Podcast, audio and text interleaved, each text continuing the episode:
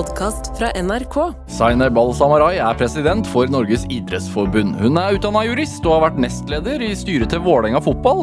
Hun har sittet i bystyret for Oslo Arbeiderpartiet og vært vararepresentant på Stortinget. Al-Samarai har også vært en meget habil fotballspiller, men måtte legge den drømmen på hylla etter en kneskade. Dette er Drivkraft med Vegard Larsen i NRK P2. Zaineb Al-Samarai, velkommen til Drivkraft. Tusen takk. Jeg leste en slags sånn øh, kort øh, CV på deg nå, sånn intromessig. Er det litt sånn fremdeles litt vondt at det ikke ble noe av den fotballdrømmen? ja, det er det. Eh, Det er nok eh, noe av det kjipeste jeg har opplevd i livet. Det var eh, Så det er fortsatt litt sårt. Det vil det alltid være, fordi jeg tror det er det derre i- iboende eh, følelsen man har for å finne ut liksom om man kan nå sitt fulle potensial. Og så fikk jeg aldri lov til å prøve det helt. Hvor god var du? Um, jeg var, eh, for noen år siden så hadde man eh, eh, Da het det Statoil-leiren, som er en sånn Equinor-leir, heter det nå. Som er liksom den første landslagssamlinga du blir tatt ut på. Så jeg var der. Så jeg var jo blant de 20 beste i landet på min egen alder. Og da var vi jo ikke så mange midtstoppere. Du var midtstopper. Mm. Så svær som jeg er, så. Er det Det ble helt tilfeldig, faktisk, at det ble midtstopper. Har Ja, altså, men så posisjon på fotballbanen har ikke noe med personlighet å gjøre? Nei, altså da jeg begynte å spille fotball, for jeg begynte jo egentlig ganske sent uh, å spille fotball Jeg tror jeg var 12-13 da jeg begynte. uh, og da var jeg så begeistra for Beckham. Jeg vet ikke om jeg var liksom superforelska i han eller ville være han og alt dette her, men da var det midtskill, og jeg hadde jo kort hår og eh, hadde nummer syv og sånn, og da skulle man jo selvsagt spille høyre på midtbanen. Eh, Skyte? Skru, ba, skru ballen ja, ja, nydelig i ja. kruset? Bend it like Beckham, vet du. Og så eh, ble jeg flytta til midtbane. Eh, det var greit, for da var liksom Zidane var ganske kul. Altså skulle man dele. Som du hører, så var det ikke så mange kvinnelige rollemodeller. Um, og så begynte jeg å skulle spille spiss en stund, og det var for så vidt greit, for det var over en sommer. Jeg hadde blitt liksom mye mer teknisk, hadde vært på Løkka og spilt bare med de eldre gutta og sånn. Og så, nå blir det en veldig lang historie, eh, kom jeg på Vi skulle ha kretssamling i Oslo, og så var jeg sent ute, og det var planlagt, da, så det var ikke sånn at jeg var forsinka. Eh, men jeg hadde skoleavslutning. Så jeg, da jeg kom og skulle liksom inn i andre omgang og spille spiss, men før det så klarte hun midtstopperen å skade seg. Eh, Det var ganske, eh, eh, ganske ekkel skade også, husker jeg fortsatt en dag i dag. Og da var det sånn, ok, vi har ikke noen andre, så Zainab, kan ikke du bare steppe inn? Ja. Så ble det liksom Så ble liksom trenerne Oi, der var hun skikkelig god! Og da ble det Jeg tror det er det at når du har vært spiss da, og vet hvordan folk beveger seg, så blir du automatisk en eh, mye bedre midtstopper. Så det var egentlig det. Ja. Men jeg var nok eh, seriens laveste, ja. Er det, liker du ikke å komme for seint? Nei. Nei. Hvorfor ikke? Hva, hva, er hva syns du om folk som kommer for seint? Jeg syns det er viktig å respektere folks tid. Da. Jeg liker ikke nødvendigvis Altså jeg mener sånn der casual sånn late, det må være lov til noen ting. Men når man har gjort en avtale om man skal være tidsnok, så må man komme tidsnok. Samtidig så altså herregud, jeg kommer ofte I den nye jobben her, så føler jeg at jeg kommer Jeg føler at jeg er for sen hele tiden, jeg. Men eh, jeg trives ikke sånn kjempegodt med det, nei. Og det var også fra fotballen, for jeg husker da vi var på den der Equinor-leiren, da. Var vi der, Det var Ole Gunnar Solskjær som hadde den på den tiden, og da var det Kristiansund, og da hadde han med seg han derre eh, Var det manageren hans han var? Han Jim? Ja Agenten var det. Agent, ja. Agent het det. Ja, Ja. ja. Eh, så var han med, og da husker jeg at vi fikk så mye kjeft for alt mulig rart, og da var også de trenerne For da fikk vi kjeft hvis vi ikke hadde på sponsklærne. Det var det han Jim var mest opptatt av. Men de trenerne var veldig opptatt av hvis du kom ett minutt for sent, så kom du egentlig 20 minutter for sent, for du tok ett minutt fra alle. Så da måtte man jo få 20 pushups. Så jeg har liksom fått så mye straff for det. så, ja. Dette er Drivkraft med Vegard Larsen i NRK P2. Og i dag er eh, president for Norges idrettsforbund, eh, Zainab Al-Samarai, her hos meg i Drivkraft på NRK P2. Det, øh, denne nye jobben min, sier du, den, den er ganske fersk. Mm. Hva, har det vært som du har trodd? ja. Ja. Hva, hva trodde du på forhånd? Jeg trodde at det skulle bli eh, både gøy, givende og travelt, og det har vært gøy, givende og travelt. Hva er det du gjør? Åh, jeg eh, er mye ute. Eh, jeg er ute og besøker klubber, jeg er ute og besøker kretser, eh, særforbund. Hva gjør man da, når man besøker en klubb? Um, noen ganger er man og titter rundt, andre ganger så er man og, uh, der også for å fronte et politisk budskap. Hva var siste i jobb- klubben? Siste klubben var Ranheim. Hva, hva, ja, hva, hva Men jeg fikk jo ikke besøkt dem ordentlig. Jeg var egentlig bare der innom, innom anlegget deres og på en debatt. For da var jeg i en politisk debatt med kommune- og fylkespolitikerne. Men den siste sånn ordentlig, ordentlig besøk var Kolstad håndball. Og det var, det var ordentlig kult. Hvorfor er det viktig å reise rundt? Jeg tror det er viktig å kjenne organisasjonen man representerer. Eh, Jeg tror det er viktig at de kjenner deg også. Eh, Men, eh, men først og fremst, så for meg så har det vært viktig å være der for å eh, vite hvem jeg representerer, og også ta med meg både gode eksempler og mindre gode eksempler på hvordan vi jobber i norsk idrett, og også løfte det politisk. For vi, har, vi er en organisasjon, altså Norges idrettsforbund er jo en medlemsorganisasjon hvor vi har de 55 særforbundene og 11 kretsene, men mye av jobben som jeg skal gjøre, handler om å bedre rammevilkårene til idretten. Så det handler om å løfte eh, de sakene som skjer på grasrota, opp til et politisk nivå, da. Enten det er i kommune. hva vil det si? Altså sånn rent sånn faktisk. Det vil si at Har du et eh, eksempel? ja, altså for eksempel sånn som eh, Det er mange klubber jeg møter som trenger f.eks. bedre anlegg. Eh, og det å få kommunene til å være med å bygge anleggene. Det er klubber jeg møter som har bygd anlegg selv, men som trenger f.eks. drifts...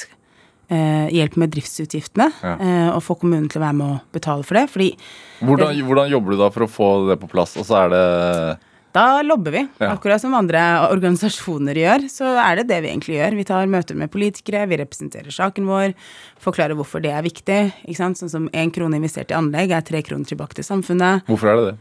Fordi det er et samfunnsregnskap. Det er eh, det, det å bygge Altså det som er veldig fascinerende med, eh, med anleggene våre, er at det er jo egentlig fellesskapets anlegg. For det er der eh, barn er, om de bor trangt eller ikke. Det er der de utvikler seg. Det er der de får bedre helse, både fysisk og psykisk. Og det er der vi egentlig ja, bygger framtidas nordmenn. Har, Eh, har du eh, hatt nytt godt av noe anlegg? Ja. Um, jeg var veldig mye Altså både Både ehm, Jeg har både nytt godt og nytt dårlig av anlegg. Spørs liksom om de har vært gode eller ikke. Jeg røk jo korsbåndet mitt på et dårlig anlegg. Eh, og vi spilte jo på asfalt da jeg vokste opp, så jeg tror ikke det var veldig bra for knærne, det heller. Men, eh, men jeg har nytt veldig godt av eh, fotballbanen på Holmlia. Um, og da var den i gress, så det var ganske lenge siden. Så det var naturgress. Det var helt fantastisk. Hva mener du med nytt godt? Bortsett fra at du fikk spille fotball der. Um, jeg fikk et sted å være med vennene mine. Um, jeg vokste opp i, i en familie hvor vi var seks stykker. Vi bodde jo trangt. Uh, bodde jo i en kommunal bolig på Holmlia, og det var liksom ikke det var liksom ikke mulighet til å ha med venner hjem, og ikke masse venner i hvert fall. Og det var liksom ikke um, Det var uh, Vi hang mye ute. Og det å ha et sted som var på en måte trygt, da, sånn som fotballbanen var for oss, uh, var ganske viktig for å egentlig rett og slett ha noe å gjøre. Det var der jeg var hele sommeren. Mm. Er Utenom når vi lekte Pacific Blue, som det het. Syk sykkelpoliti? Yes, selvsagt. Er det, jeg leste nylig en sånn artikkel om alle balløkkene som står tomme. Mm. Hvorfor er det blitt sånn? Men det er jo uorganisert Ja. eh, idrett. Det vet jeg ikke. Kanskje fordi man er mer opptatt av å drive med den organiserte, eller man vil være på den store. Altså Da jeg vokste opp, så var det jo ikke noen sånne løkker. Det skulle vi ønske at det var. Vi lagde det jo bak ikke sant? Vi lagde det i sånn skeiv nedoverbakke bak blokkene på Høgåsveien. Eh, hvor vi var livredde for å sparke for hardt, sånn at det ble kom under en bil, og så ble ballen ødelagt. Og da var det liksom Da brukte du drikkeflaske og genser og det du hadde for å lage målene, liksom. Så Nei, kanskje barn har mer behov for at det skal være organisert enn det vi gjorde. Og det merker man jo. Vi har jo altså En av de største konkurrentene eh, idretten på et vis har, er jo litt skjermer og det at folk sitter mye mer stille. Og det er derfor idretten er så viktig for framtida. Det å få barn ut. Det å få dem i aktivitet. Det at de eh, driver med noe annet enn å sitte hjemme og game eller se på TV eller Er, e er ikke e-sport en idrett, da? jo, altså, det, er det, det har jo ikke blitt en del av Norges idrettsforbund ennå, men det er jo på en måte på vei. Men det som er ganske kult da, med de som jo driver med e-sport i våre klubber, for det, apropos det å gå rundt og reise og besøke, er at de har også fokus på ernæring. De har også fokus på at du skal trene. Og i tillegg til å liksom drive med e-sport. Så du får liksom hele greia, og det er fordi det er i organiserte former. Så da sitter du ikke bare hjemme hele natta og drikker Red Bull og gamer. Du får det på en måte i en del av et fellesskap hvor ditt kosthold og den treningsregimet du har rundt, er viktig. Og det tror jeg også er bra, for det gjør jo at du fokuserer bedre når du gamer. Som er en fordel. Hvor tidlig skal man få det fokuset i idretten? På hva da? På kosthold og øh, treningsrutiner og altså at det, at det går fra å være lek til å bli litt mindre lek? Jeg syns det egentlig skal være gøy å leke så lenge man kan. Eh, og det tror jeg jo også de eh, selv, selv flere av våre toppidrettsutøvere er jo opptatt av at det skal være gøy for å, for å holde på. Eh, men jeg tror det med at man har fokus på kosthold og eh, det å drive sunn idrett, for det kan også være usunn kosthold. Det kan jo være folk som ikke spiser nok mm. og presser seg selv for mye. Så det å ha fokus på at eh, kroppen det er en maskin som trenger eh, god drivstoff da, inni det, det tror jeg kan være viktig fra, fra ganske ung alder. Og grunnen til at jeg sier det, fordi eh, der hvor jeg vokste opp, så var vi jo forskjellige kulturer og nasjonaliteter som på en måte ikke hadde nødvendigvis den samme tilnærmingen til fem om dagen og det, det, det sunne norske kostholdet man hadde, da. Så det var jo noen familier hvor det var litt mye Kanskje litt usunn mat. Det var mye Nugatti på brødskiva på skolen. Jeg tror jeg spiste det i dag til frokost, jeg skal ikke dømme noen, men ja. men, så jeg tror, jo, jeg tror jo det er liksom eh, Jeg tror ikke det er en negativ ting at man har det. Og det handler egentlig mer om med, mer om livet og kroppen du skal ha hele livet, enn bare idretten. Ja. Det er altså Idrettsforbundet, mange medlemmer har dere? Cirka Vi har eh, nesten Altså, vi har 1,9. ja, millioner. Mm. Og så er det alle særforbundene.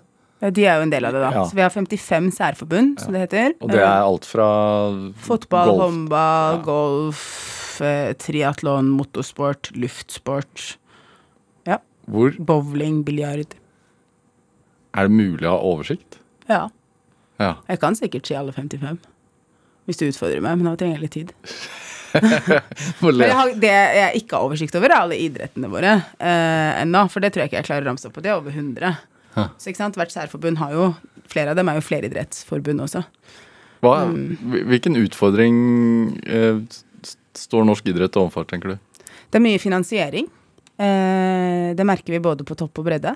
Um, og så uh, er det anlegg, Ja. rett og slett. Og så ser vi jo også at vi har en utfordring med at frivilligheten ikke er helt tilbake etter covid. Og så, eh, her i Oslo for eksempel, så har jo Aftenposten kjørt en sånn serie, eller en artikkelserie om hvor dyrt det er Mm. for eksempel å spille fotball.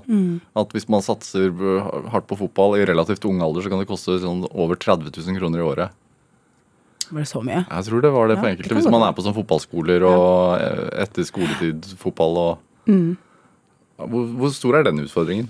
Altså, det er jo en utfordring, men den er ikke så stor som det fremstilles i media, så jeg er veldig glad for at du egentlig stiller det spørsmålet, for det blir på en måte skapt et narrativ som om det er det vi driver med hele tiden, at alle er superprofesjonalisert, og alle lag koster masse, masse penger, men det er det er et unntak, det er et fåtall av det. For jeg mener at det var vel kanskje Aftenposten, eller var det TV 2? Det var i hvert fall en annen som så også på at eh, syv av ti lag har jo ikke turt å ta opp prisene sine de siste i hvert fall tre årene, hvis ikke lenger.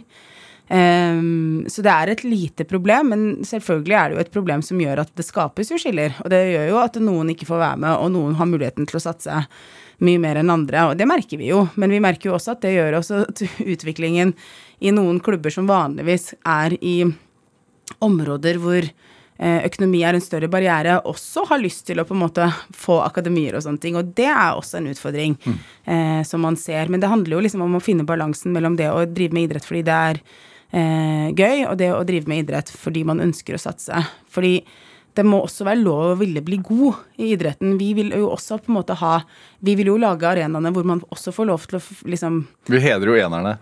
Vi hedrer jo de som blir gode også. Absolutt, men jeg tror, det, jeg tror ikke det handler om det. For jeg tror liksom sånn Vi, vi så på liksom sånn hva våre toppidrettsutøvere var veldig opptatt av, og det de er aller mest opptatt av, er å få ut sitt fulle potensial. Se hvor langt de kan komme.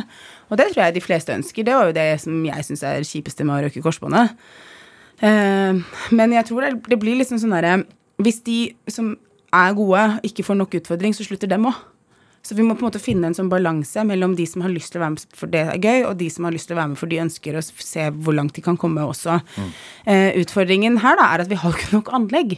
Ikke sant? Vi klarer ikke vi klarer ikke å levere på begge deler, for vi har jo ikke nok anlegg til å gjøre det. Så det blir liksom sånn, så det er en utfordring vi selvsagt her. Føler du at det Altså, du har jo bakgrunn fra politikken, fra Ap. Mm. Føler du at eh, Det føles som jeg diskuterer høyreskolen, ja. ja. Det gjør det. Men ja. føler du at uh, idretten eh, og anleggene har fått nok plass i, i valget som, som er nå snart? Nei. Eh, altså nå I Oslo så har det jo vært det, for det har vært liksom mye liksom støy rundt noen anlegg som har vært der. Men det som jeg syns har vært kanskje eh, Det som jeg synes er mest trist da på idrettens vegne, til tross for at vi er en organisasjon som eh, som omfavner så mye og så mange og har nedslagsfelt over hele landet og er så viktig eh, i nærmiljøenes identitet. Vi er hjertet i mange i mange nærmiljø, er at det, det er en sak som altså, Og jeg har vært nå på sånn politisk turné, um, som det heter, så jeg har vært mye på reise og snakket med Akkurat hjem fra Grønland. ja, den var litt annerledes. Men jeg var rett før det så var jeg faktisk i Trondheim. Uh, og før det så har jeg vært både i Molde og Tromsø og ja, Innlandet og Vestfold Telemark. Så det har vært en del turer. Jeg skal til Viken i morgen. Um, og der uh, snakker vi med en del av lokalpolitikerne, både på kommune- og fylkesnivå. Og litt av det som er eh, som, eh, som vi snakker om da, er jo nettopp det at det, alle er jo enige i at idrett er så bra. Alle elsker idrett, ikke sant? Det fins jo ingen Ingen mer enn politikere som går på Twitter og Facebook og Instagram og gratulerer når noen tar gull eller sølv eller hva de gjør. ikke sant? De elsker det, og alle er enige om at det er viktig på breddenivå og syns det er superfantastisk. Men når det kommer til prioriteringer, som politikk handler mye om, når det kommer til den dagen du må på en måte velge mellom det ene eller det andre, når du velger mellom skolemat, eller om du må velge mellom at alle barn skal få lov til å drive med idrett Altså, hvem er det som tør å ta den kampen? Det er jo det vi er opptatt av. Og hittil så syns jeg eh, så, så må jeg jo si at eh, nå er det liksom litt over en uke igjen til valget. Og de politikerne som eh, tør å si at de kommer til å prioritere idretten høyest, de er de som får, kommer da til å få For din stemme. for min stemme. Ja, jeg har jo ikke stemt ennå. Så ja. Men er, altså, vi, vi har jo Norsk idrett rir jo en suksessbølge for tiden. Uh, virkelig, altså internasjonalt. eh, På, men på individnivå, da. Altså eh, Haaland, Ødegaard, uh, Hovland, Kasper Ruud. Mm. Hvorfor tror du de har lykkes? Det er noen foreldre inne i bildet her, i hvert fall.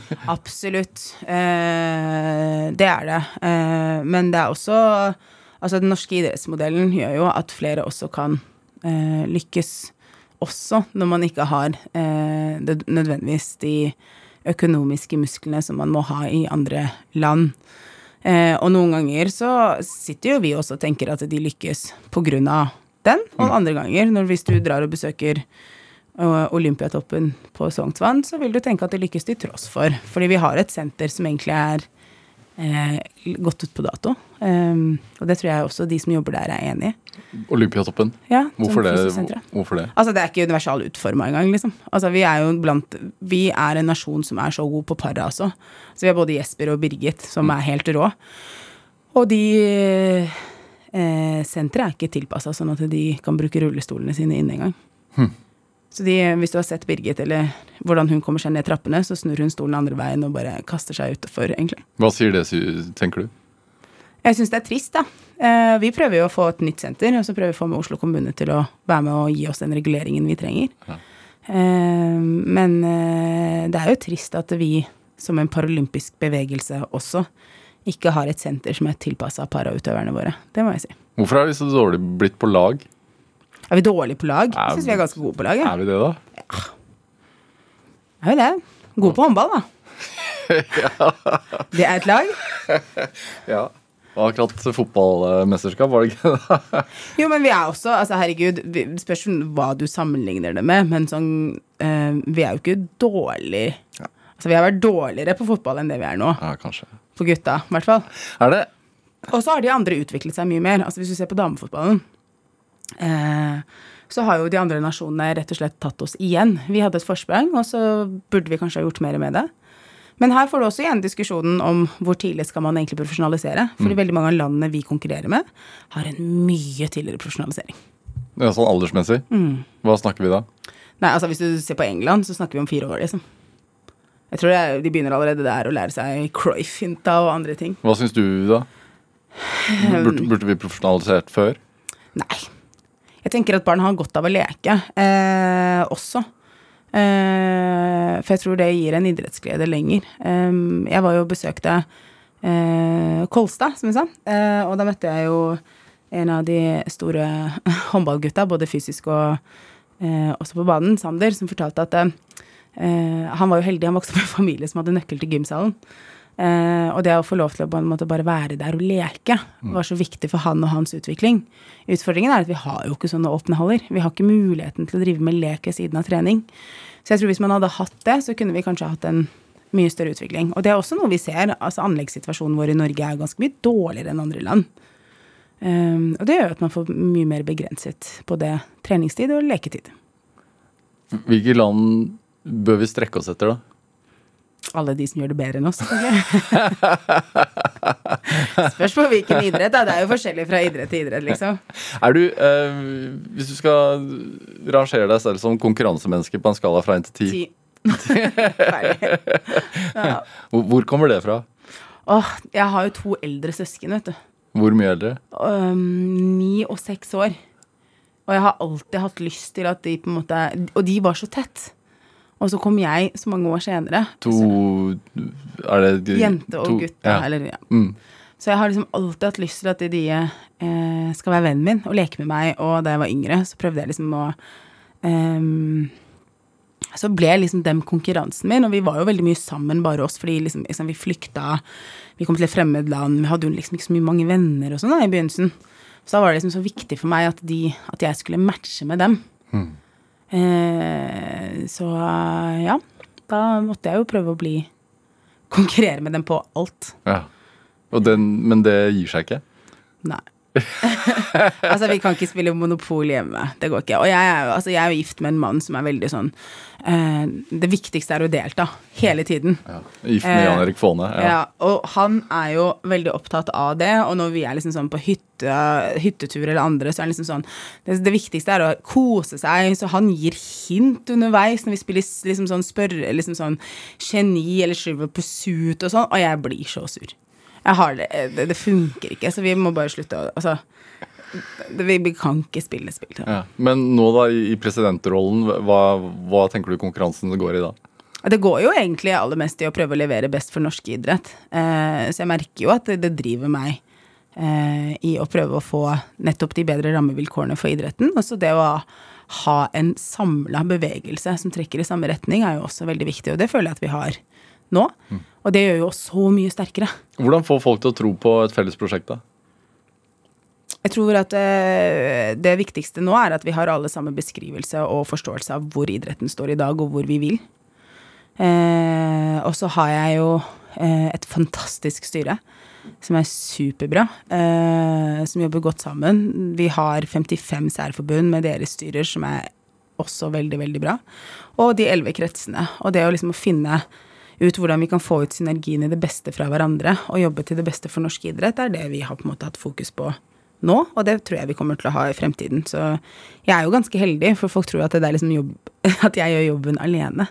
Og så har vi jo administrasjoner over hele landet som bidrar så godt de kan og er superdyktige fagfolk. Men eh, jeg gjør jo ikke dette alene, jeg, og det er jo fordelen. Jeg har jo et svært lag. Når konkurrerte du mot søsknene dine sist, da?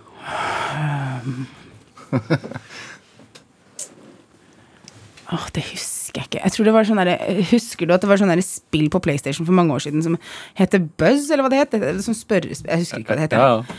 Og da vant jeg jo hver gang. Og så begynte de å rotte seg mot meg. Alle sammen. Og jeg bare, da gadd jeg ikke mer. Da tror jeg jeg fikk pappa til å hente meg, og jeg var voksen. Altså. Så det var et stort, stolt øyeblikk i mitt liv. Er du en god vinner? Eh, nei, jeg er nok ikke det heller. ikke det å konkurrere med dem. Men det er liksom sånn Jeg tror det er bare at eh, Altså, jeg tror jeg liksom sånn Jeg, jeg er både Jeg tror eh, Jeg har jo opplevd store tap i livet. Eh, Som for eksempel? eh, altså bare det Jeg har tapt altså Norway Cup-semifinaler, jeg har tapt eh, Jeg har røket korsbåndet, som er et stort tap. Jeg har jo tapt i politikken, eh, som er et ganske krevende store tap. Eh, og jeg tror det er viktig å tape.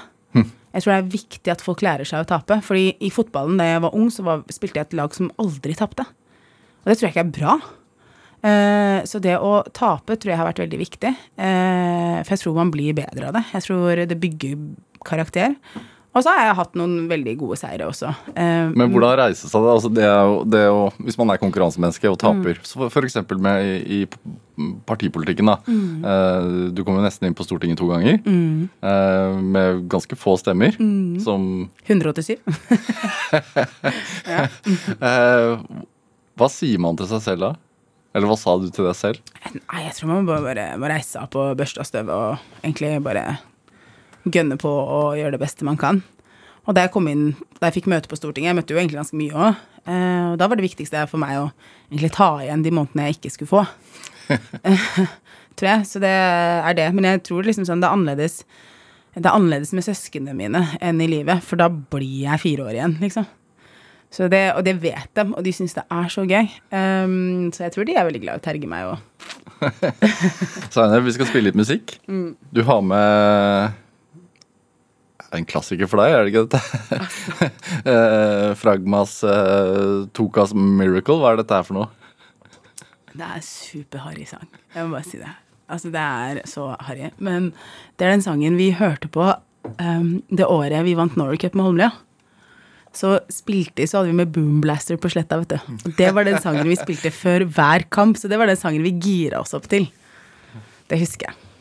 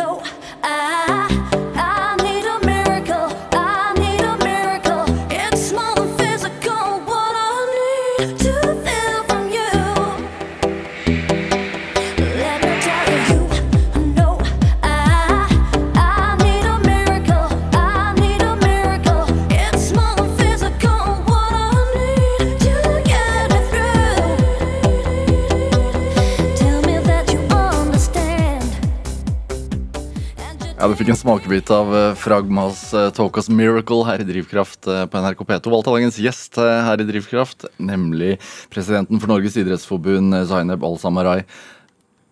En gladlåt. Altså, livet trenger ikke alltid å være så tungt. Da. er det? Um, du nevnte så vidt eh, oppveksten her. altså Du er født i Irak. Eh, 87? Ja. Ja. Uh, hva husker du?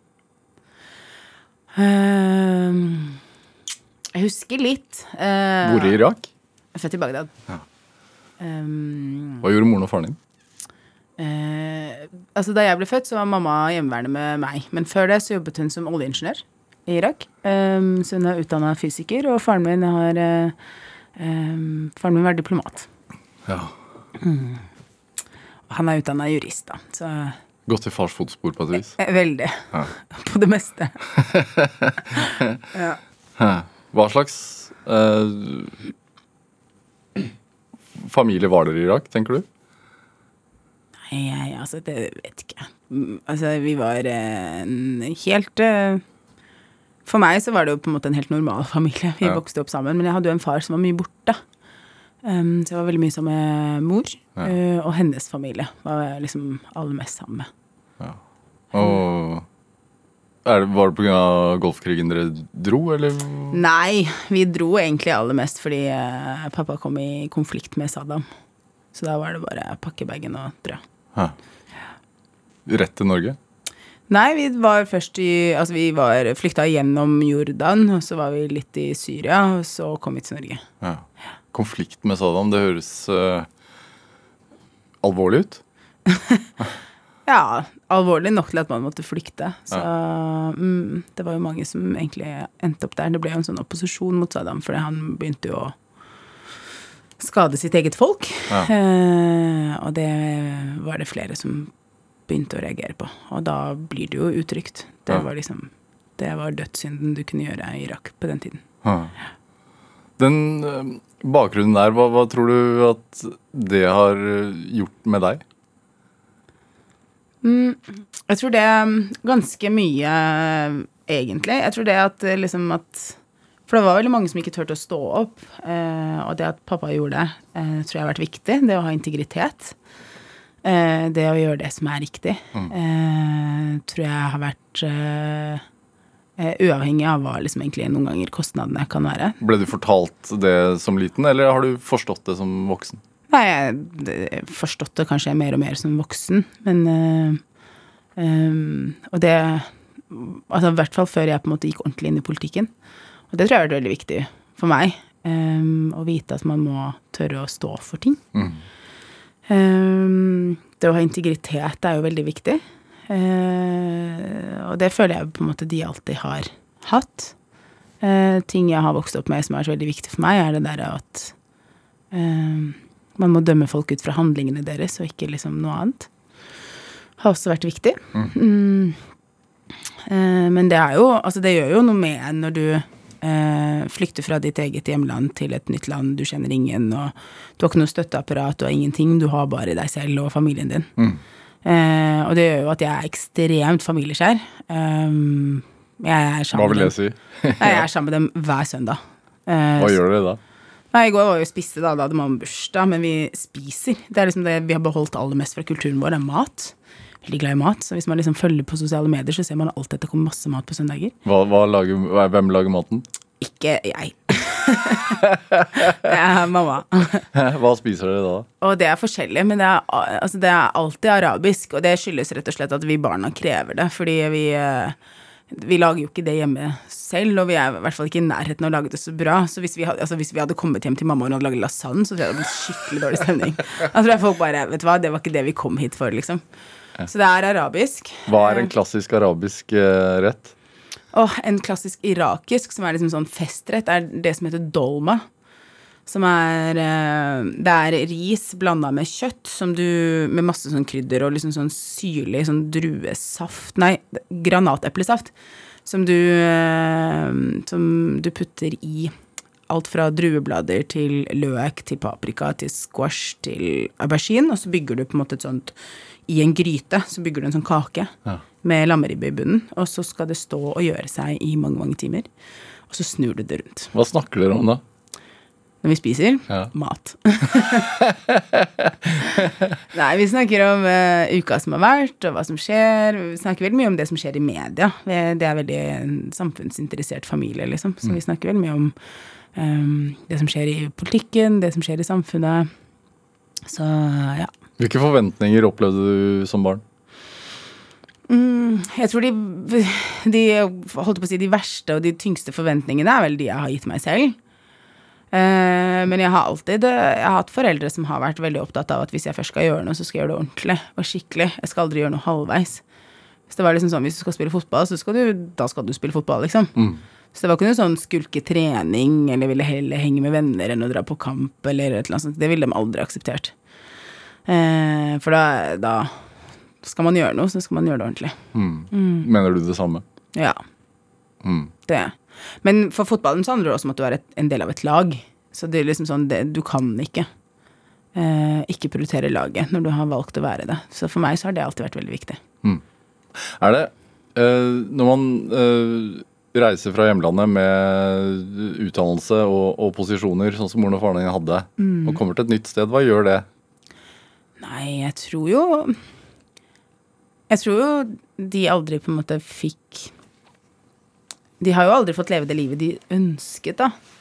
Um, de har jo aldri Sånn som vi snakket om med disse toppidrettsutøverne og andre. De fikk liksom aldri utfylt liksom sitt fulle potensial heller.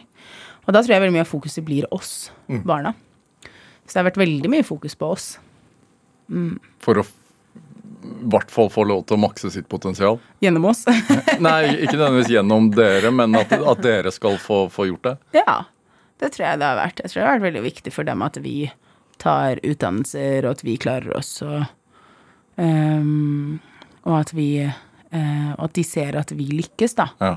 Um, fordi de fikk jo på en måte ikke fullført sin, sin sjanse, på en måte. Mm. Er de stolt av deg, tror du? Åh, ja. Litt for stolt, ja. Uff, ja. Det har vært veldig fint. Er det dette med å, å bli tidlig målbevisst? For du sa, du, du sa jo at uh, kravene set, har du satt til deg selv. Hva, hva var det f første kravet du satte til deg selv?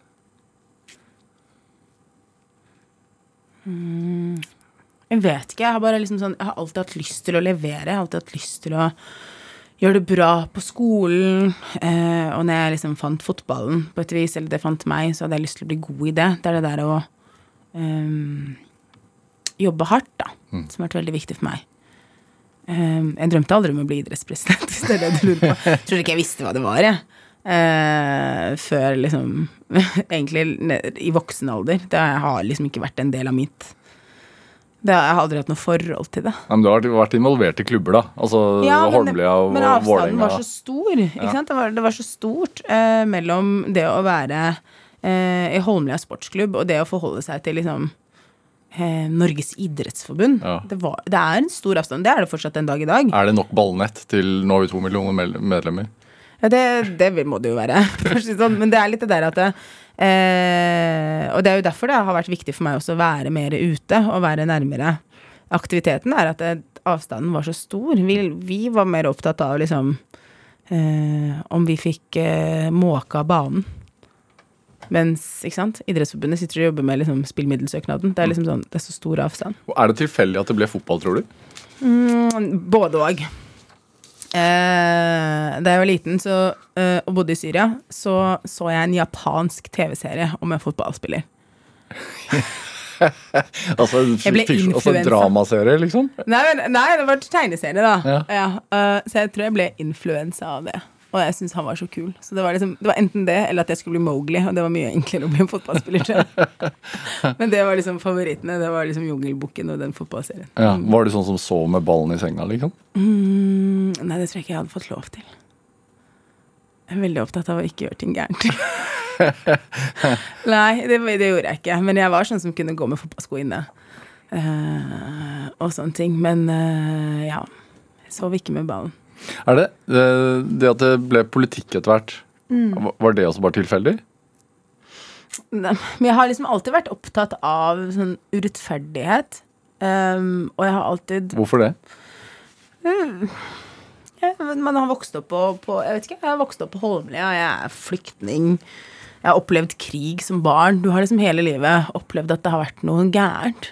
Og jeg tror liksom sånn, jo eldre jeg blir, jo liksom sykere syns jeg det er at vi som barn ble liksom bomba, og så var det ingen som gjorde noe.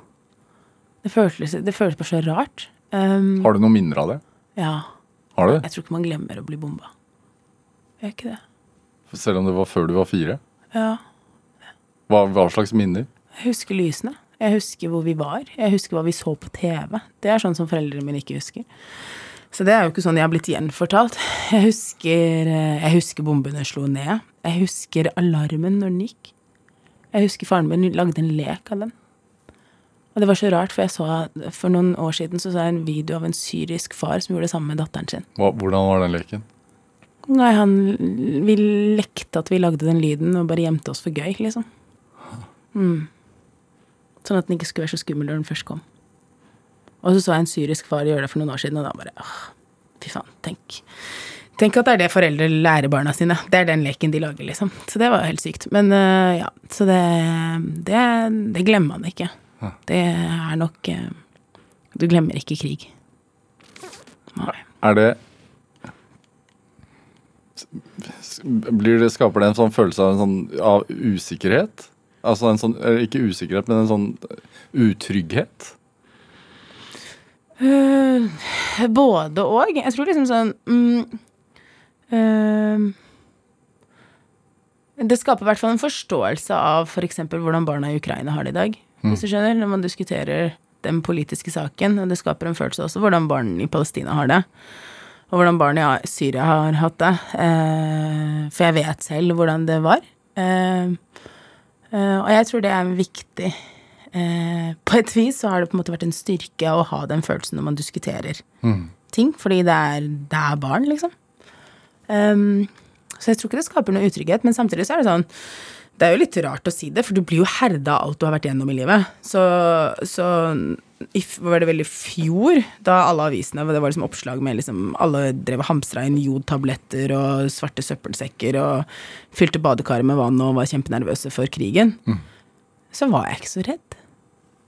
Det, er- ja, for jeg er liksom sånn, og det er litt rart. Skulle nesten tro motsatt. ja, det, absolutt. For jeg tror liksom sånn, sånn som de menneskene i mitt liv som ikke har opplevd krig, de var jo på en måte oppriktig redde for det. Jeg var mer redd for strømprisen og økte kostnader. Fordi eh, det syns jeg er mer skummelt, at man plutselig ikke har råd. Hvorfor blir det sånn, tror du? Jeg vet ikke. Kanskje fordi jeg overlevde før. Eh, eh, kanskje fordi jeg har vokst opp i en familie hvor ehm, det du ikke har kontroll på, liksom, det har du på en måte ikke kontroll på. Jeg vet ikke. Men jeg var liksom sånn, og det syns jeg var så rart, for jeg husker at jeg snakka om det. At jeg var sånn, jeg syns det er så rart at jeg ikke er redd. Ehm, på samme måte som andre føler på det. Jeg vet ikke. Hvilke tanker gjør, man, eller gjør du deg om, om, om verdenspolitikk, da? Om land som går inn i andre land og Hvor skal man begynne, liksom? Ja. Jeg trodde liksom vi var ferdig med det. ja. Ja. Og så er det jo så utrolig mange glemte konflikter der ute, og det er jo helt forferdelig. Tenk så mange skjebner. Tenk så mange barn. Tenk så, mye, tenk så mange folk som ikke har liksom framtidshåp. Det er det som kanskje er liksom verst. Det er det jeg tenker med liksom veldig mange i Midtøsten, for eksempel. De har jo ikke Det er ikke noe framtidshåp lenger. De kjenner jo ikke til noe annet. Altså de som var på en måte min generasjon, da. Altså jeg kom meg jo ut. øh, men de som var liksom født rundt min tid, og har vokst opp i Irak, hva, det, hva kjenner dem til, liksom? Annet enn elendighet og krig. Har du familie ennå? Ja, alle er der. Ja. Det er jo bare vi som er her. Mm. Og de kommer seg jo ikke ut heller. Det er ikke akkurat Hvordan har de Får ikke det? reisevisum i Irak. Nei, hvordan har de det? Um, altså, de, de eh, overlever. Det er, jeg tror det er det, liksom. Jeg tror ikke de lever. Jeg tror man bare overlever. Ja. Mm. Det må gi det med barna Mm. Er, det, er det også en del av drivkraften i, i embetet ditt i dag? Ja, absolutt. Det er det. Det at barn skal få muligheten til å delta. Fordi de har liksom Barn har ikke gjort noe. De, ble, de er bare født i det, liksom. Hmm. Det er De er uskyldige. De, og det å altså, Og det som skjer i dag, da, med at vi har liksom økte kostnader eh, og flere barn og unge som står utenfor og skraper på våre dører. Én ting er at det pga. kostnaden, en annen ting er at det rett og slett også mangler anlegg, sånn at vi har lange ventelister. Det er liksom Det, det er vondt, og det merker jeg at moren min måler meg på det.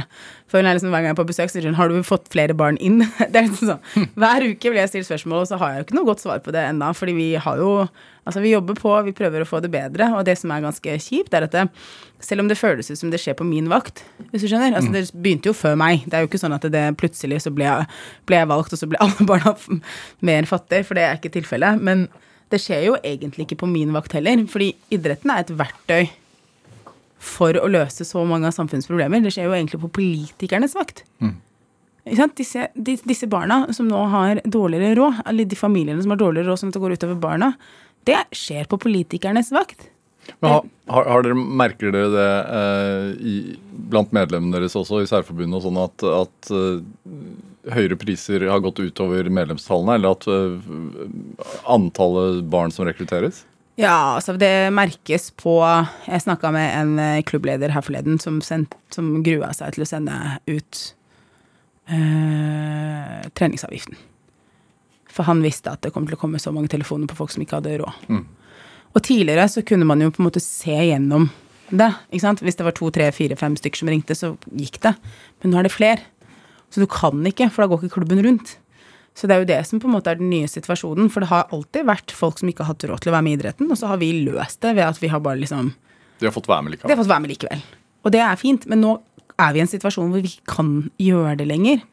Og så blir det jo alltid satt opp mot de som driver med de private akademiene, de dyre idrettene. Men de som driver med det, er jo mest der hvor man faktisk har råd. Så det blir ikke sånn, selv om vi fjerner det, selv om vi har regler mot dette eller gjør et eller annet, så gjør det ikke at flere barn som har dårlig råd, får være med. Det gjør ikke det, altså. Eh, og jeg skulle ønske det gjorde det. Så det som er fokuset nå, er jo egentlig aller mest på de barna som ikke har råd til å være med i idretten, der hvor det koster ok. Med, altså det, hvor det er lave kostnader. For det er der eh, hovedproblemet er, og det har det alltid vært. Det med eh, drivkraft og, og målsetting og at du Altså, du studerte jo juss, og så veit jeg at du jobbet i mange år på Meny. Eh, og ved siden av. Og hva, hva, hva, hva tenkte du om livet? Hva ville du bli når du ble stor? Jeg tror ikke jeg hadde noen plan. Jeg tror Hvis du hadde spurt meg da jeg var yngre For jeg, var, jeg gikk på en Toppåsen barneskole som var veldig opptatt av Vi var veldig opptatt av fredsprisen. Det var en sånn greie. Jeg vet ikke hvorfor. Sånn Hvert år så var de var invitert ned på rådhuset, og det var ikke måte på Vi hadde vennskapsskole med Tibet og hadde Dalai Lama på besøk sånn. Så jeg tror liksom sånn, hvis du hadde spurt meg som barn hva er din største drøm, så tror jeg det ville vært å vinne fredsprisen. Ja, d- Ja, og altså, den er- lever i beste velgående? Ja, altså plutselig. Du vet ikke. En dag. Men det var liksom Ja, og det handler jo om at man Jeg har liksom vokst opp med at man skal gjøre noe godt for andre. Hæ. Eh, også når du liksom Hvis du er heldig og har fått evner som du kan bruke til noe, så skal du bruke det til noe godt, da. Ja. Ble det gjennomført hjemme hos dere? Eh, ja. På hvilken måte? da? Faren min var alltid sånn. Så han har alltid vært veldig raus og veldig opptatt av at Vært veldig gavmild og veldig opptatt av at jobbe for at andre også skal ha det bra. Hvordan da? Nei, altså Han kunne jo valgt å ikke si noe i Irak og blitt der og hatt alle pengene sine og levd godt og eh, eventuelt flytta til nabolandet og bygd seg opp der, som veldig mange av hans venner gjorde. Mm. Eh, Istedenfor å prøve å si imot, eh, risikere livet sitt med å flykte og eh, la barna sine vokse i fremmedland i kommunal bolig. Jeg tror ikke det var drømmen hans. Men han gjorde det, da. Mm. Og jeg er veldig glad for at han gjorde det òg. Hva tenkte han når du gikk inn i politikken? da? Og jeg tror han syntes det var skikkelig kult. Jeg tror han syntes det var ordentlig, ordentlig kult at han hadde en datter som, som engasjerte seg og jobba på. Og så er det jo altså Han har jo alltid vært sånn Han har vært en kul pappa. Han har vært veldig liberal.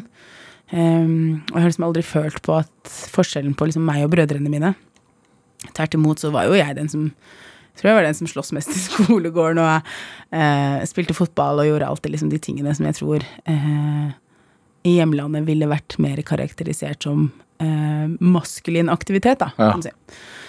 Um, så det tror jeg han alltid har syntes har vært veldig kult. Så jeg tror han har vært veldig stolt.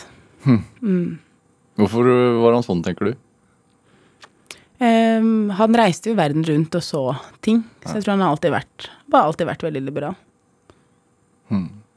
Det at du øh, også var aktiv i Arbeiderpartiet, og så brått så meldte du overgang holdt jeg på å si, til kommunikasjonsbransjen. Var det fordi at ikke du kom inn? Var Nei, det gjorde jeg jo lenge før. Ja. Ja, nei, nei, nei, jeg har jo vært inn og ut hele tiden. Eh, det hørtes ut som jeg har vært i fengsel, men det er ikke det. Eh, nei, jeg begynte jo jeg, jeg begynte jo egentlig mer Jeg var medlem av Arbeiderpartiet, og så, jeg, så kom jeg jo mer inn i eh, Jobba i kommunikasjonsbransjen før jeg fikk noen verv i politikken. Og det er jeg jo også veldig glad for. Der fikk jeg jo tillit. Eh, og jeg jobbet med noen av de flinkeste menneskene jeg vet om. Så det ville jeg jo gjort igjen. Absolutt. Eh, og du lærer politikk på en helt annen måte. eh, og jeg tror Hva lærer man? Du lærer å se helheten. Det blir liksom ikke Du blir liksom ikke bare Det er for mye kommunikasjonsbransje, det er det mange som sier. Ja, jeg vet ikke. Er, altså, det er jo åpenbart et behov for det. Jeg tror noen hadde hatt godt å kommunisere bedre. Eh, og så Men jeg tror liksom sånn for min del så har det jo eh, vært viktig å på en måte ikke bare være opptatt av det partiet du var medlem i, og den politikken, og bare se det partiet som liksom det perfekte gudskapte partiet, for det er det jo for så vidt ikke. Eh, og det lærer du også når du jobber i kommunikasjonsbransjen, for du må se helheten, du må se argumentasjonen fra alle sider, og jeg tror det eh, skaper en sånn styrke. Og så tror jeg liksom veldig mange tror at i kommunikasjonsbransjen så blir du på en måte rigga til at du skal svare på en måte som folk egentlig ikke forstår hva du sier. Eh, men Er det tror, ikke sånn? Nei, altså jeg tror liksom sånn altså, ehm, De beste kommunikatørene er jo ikke de som vrir seg unna, det er jo de som klarer å kommunisere på en vanlig menneskelig måte. Problemet er jo at de som leier inn kommunikasjonsrådgivere noen ganger kanskje trenger litt mer hjelp. Ja. Um, så nei, jeg har liksom alltid tenkt um, um, at jeg skal prøve å snakke så fritt som jeg bare kan. Uh, Hvilken pris har det? Altså Hvis du gjør det på liksom sånn radio og TV, så er det mye enklere. Spesielt liksom på TV, for da ser man liksom sånn ansiktsuttrykkene dine, og folk kan liksom skjønne at du drar en spøk, eller, eller sånne ting. Eller på TV også, når du liksom faktisk hører at folk ler. Men det, det er jo ikke sånn at du kan gi de samme sitatene på papir. Og derfor må de kanskje innarbeides på en litt annen måte. Og så lever vi i et, sam i et, liksom et samfunn hvor folk eh, har begynt å lese ting med liksom mye mer kritisk, kanskje, opplever jeg. Eh, man er ute etter å på en måte finne litt feil og liksom sånne ting. Og det gjør, jo, det gjør jo at folk kanskje har større behov for å bruke kommunikasjonsrådgivere. Enn hvis folk hadde liksom lest ting i beste mening. Um, og det er noe vi alle må tenke på. Jeg merker jo det selv også, at jeg liksom er ute etter å finne liksom et dustete svar hos noen. Jo, det er jo litt sånn, men det, altså, vi kan ikke holde på sånn lenger. Hvis man ønsker at folk skal være ekte, og man skal liksom oppleve eh, folk sånn som de er, så må vi jo på en måte gi dem plassen til å bare være seg sjøl òg, da. Ja. Ja. Er det, ja. Hva lærer man av å stå i ferskvaredisken på Meny, da? Lære å kommunisere. På, gjør det? ja, Ja, det er der du møter liksom vanlige mennesker som er uh, Enten de er liksom sånn Du lærer folk, da. Du Ja. lærer uh, når de kommer hjem og er superstressa etter jobb, og at de vil egentlig bare er hangry, som det heter. Er bare liksom sultne og sinte. Uh, eller pensjonister som har for god tid og går rundt og snakker. Og det er, altså det er den beste jobben jeg har hatt. Jeg kosa meg. Jeg elska å jobbe på Meny. Men er det da kjøtt, fisk, Alt. Alt. Ost. ost, Ja. Halv klippe halv kylling? Ja, ja, delt i to. Var dritrask på det. Så nei, jeg elsket det. Så det Til og med da jeg jobba i kom-bransjen, for det gjorde jeg ved siden av studiene, så pleide jeg noen ganger å ta vakter på Meny. Jeg syntes det var supergøy. Og det kunne jeg Altså, i dag, hvis Meny trenger, bare ring. det er ikke sikkert jeg har så mange lørdager ledig, men uh, plutselig så stiller jeg opp. Nei, jeg syns det var superkult. Er det Og det hørtes ut som jeg kunne lage mat sånn skikkelig bra. Ja. Kunne ikke det, vet du. Hvor hardhuda er du? Hvordan er det for deg når det stormer litt? Det har jo gjort det. Ja. Både òg. Både òg. Jeg kan være skikkelig hardhuda, og så kan jeg være også ganske sårbar. tror jeg. Spørs. Så jeg føler liksom Så Jeg vet ikke, det, det har det liksom sånn Noen ganger så Jeg husker eh, eh, i Nå når jeg skulle bli idrettspresident, da. Det var jo en valgkamp som fikk mye oppmerksomhet. Det var det. Ja. Og det, altså det meste gikk jo på en måte for så vidt greit, fordi det, det er så mye som blir sagt som du vet på en måte selv ikke stemmer, eller liksom sånne ting. Det, det, det som er kjipt da, er at da sitter du på en måte på hendene dine og prøver å ikke være med på diskusjonen. Det er ganske krevende. Eh, men hva hjelper det, da? Det er, liksom, det er det du må sitte og vurdere. Men jeg tror det som på en måte var kjipest, var når folk sitter og har så utrolig mange formeninger om meg. Så har de aldri møtt meg, eller snakka med meg, eller vet hva jeg har drevet på med. Det er bare sånn, nei, bare bestem seg for å ikke like meg. Er ikke det prisen av å være en offentlig person, da? Jo, men jeg hadde på en måte ikke blitt det ennå. og, det er liksom, og det er litt av det som er Jeg tror det som jeg syns er mest krevende med dette eh, vervet, er at jeg har liksom Jeg har egentlig bare lyst til å jobbe med idrett. Jeg har bare lyst til å jobbe med eh, å gjøre idretten enda bedre. Eh, flere barn inn, flere store prestasjoner, ikke sant, de tingene der. Jeg har jo liksom egentlig ikke lyst til å være en offentlig person. Og så er det på en måte en konsekvens av jobben. Um, og det, det må jeg jo venne meg til. Um, fordi jeg har liksom Har mest lyst til å bare være der ute eller sitte på kontor eller gjøre de tingene som må til for å bare gjøre jobben min. Ja. Men så er dette en følge av det, da. Ja. Er du idealist? Mm. Det tror jeg jeg er. Hva er idealene, da?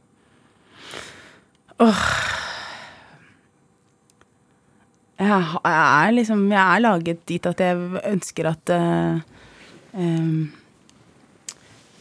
uh, Vi skal bygge de dansegulvene sånn at folk skal kunne danse livene sine på de, da. Mm. Jeg vil at alle skal kunne ha muligheten uavhengig av sin bakgrunn eller legning eller foreldres lommebøker. Så det er like muligheter som er viktig for meg. Er det drivkraften også? Ja. Det er det. Hmm. En av de. Hva er den andre, da? Nei, jeg tror jeg har et sånt behov for å motbevise. Motbevise hvem og hva? Um, jeg har vokst opp på Holmlia. Eh, hvor da jeg var yngre, så ble Benjamin Hermansen drept. Og da hadde man et inntrykk av at alle på Holmlia var et problem. Og jeg tror det, og selv om det var en mann som kom til Holmlia og drepte en av våre, så var vi på en måte de som ble sett ned på. Så det å motbevise alt man har av fordommer mot oss som vokste opp i den generasjonen, tror jeg har vært veldig viktig for meg. Mm. Fins bra folk, vet du, fra Holmlia. Det er det ikke noe tvil om, Seinab. Zainab eh, Al-Samarai, tusen takk for at du kom til Drivkraft. Lykke til med hallene. Takk skal du ha. Hør flere samtaler i Drivkraft på nrk.no eller i appen NRK Radio. Send oss ris eller ros og også tips til mennesker som du mener har drivkraft. Send den e-posten til drivkraft.krøllalfa.nrk.no. Vi hører veldig gjerne fra deg. Produsent i dag var Melody Holst Talebi, mens Olav Tessem Widsvang bidro med research til denne sendingen. Men dette, dette var Drivkraft. Jeg heter Vega Larsen. Vi høres. Du har hørt en podkast fra NRK. Hør alle episodene kun i appen NRK Radio. En guttegjeng bryter seg inn i et avstengt bomberom for å arrangere en illegal fest midt under pandemien. Jeg husker selv at jeg løp inn der, og var øh, supergira. Men flere hundre personer er i livsfare inne i grotta. Strømaggregatene produserer dødelig kullosgass. Du har blitt dratt ut. Fra det lokalet du var på fest. Så du har sånn kullosforgiftning. Grottefesten hører du i appen NRK Radio.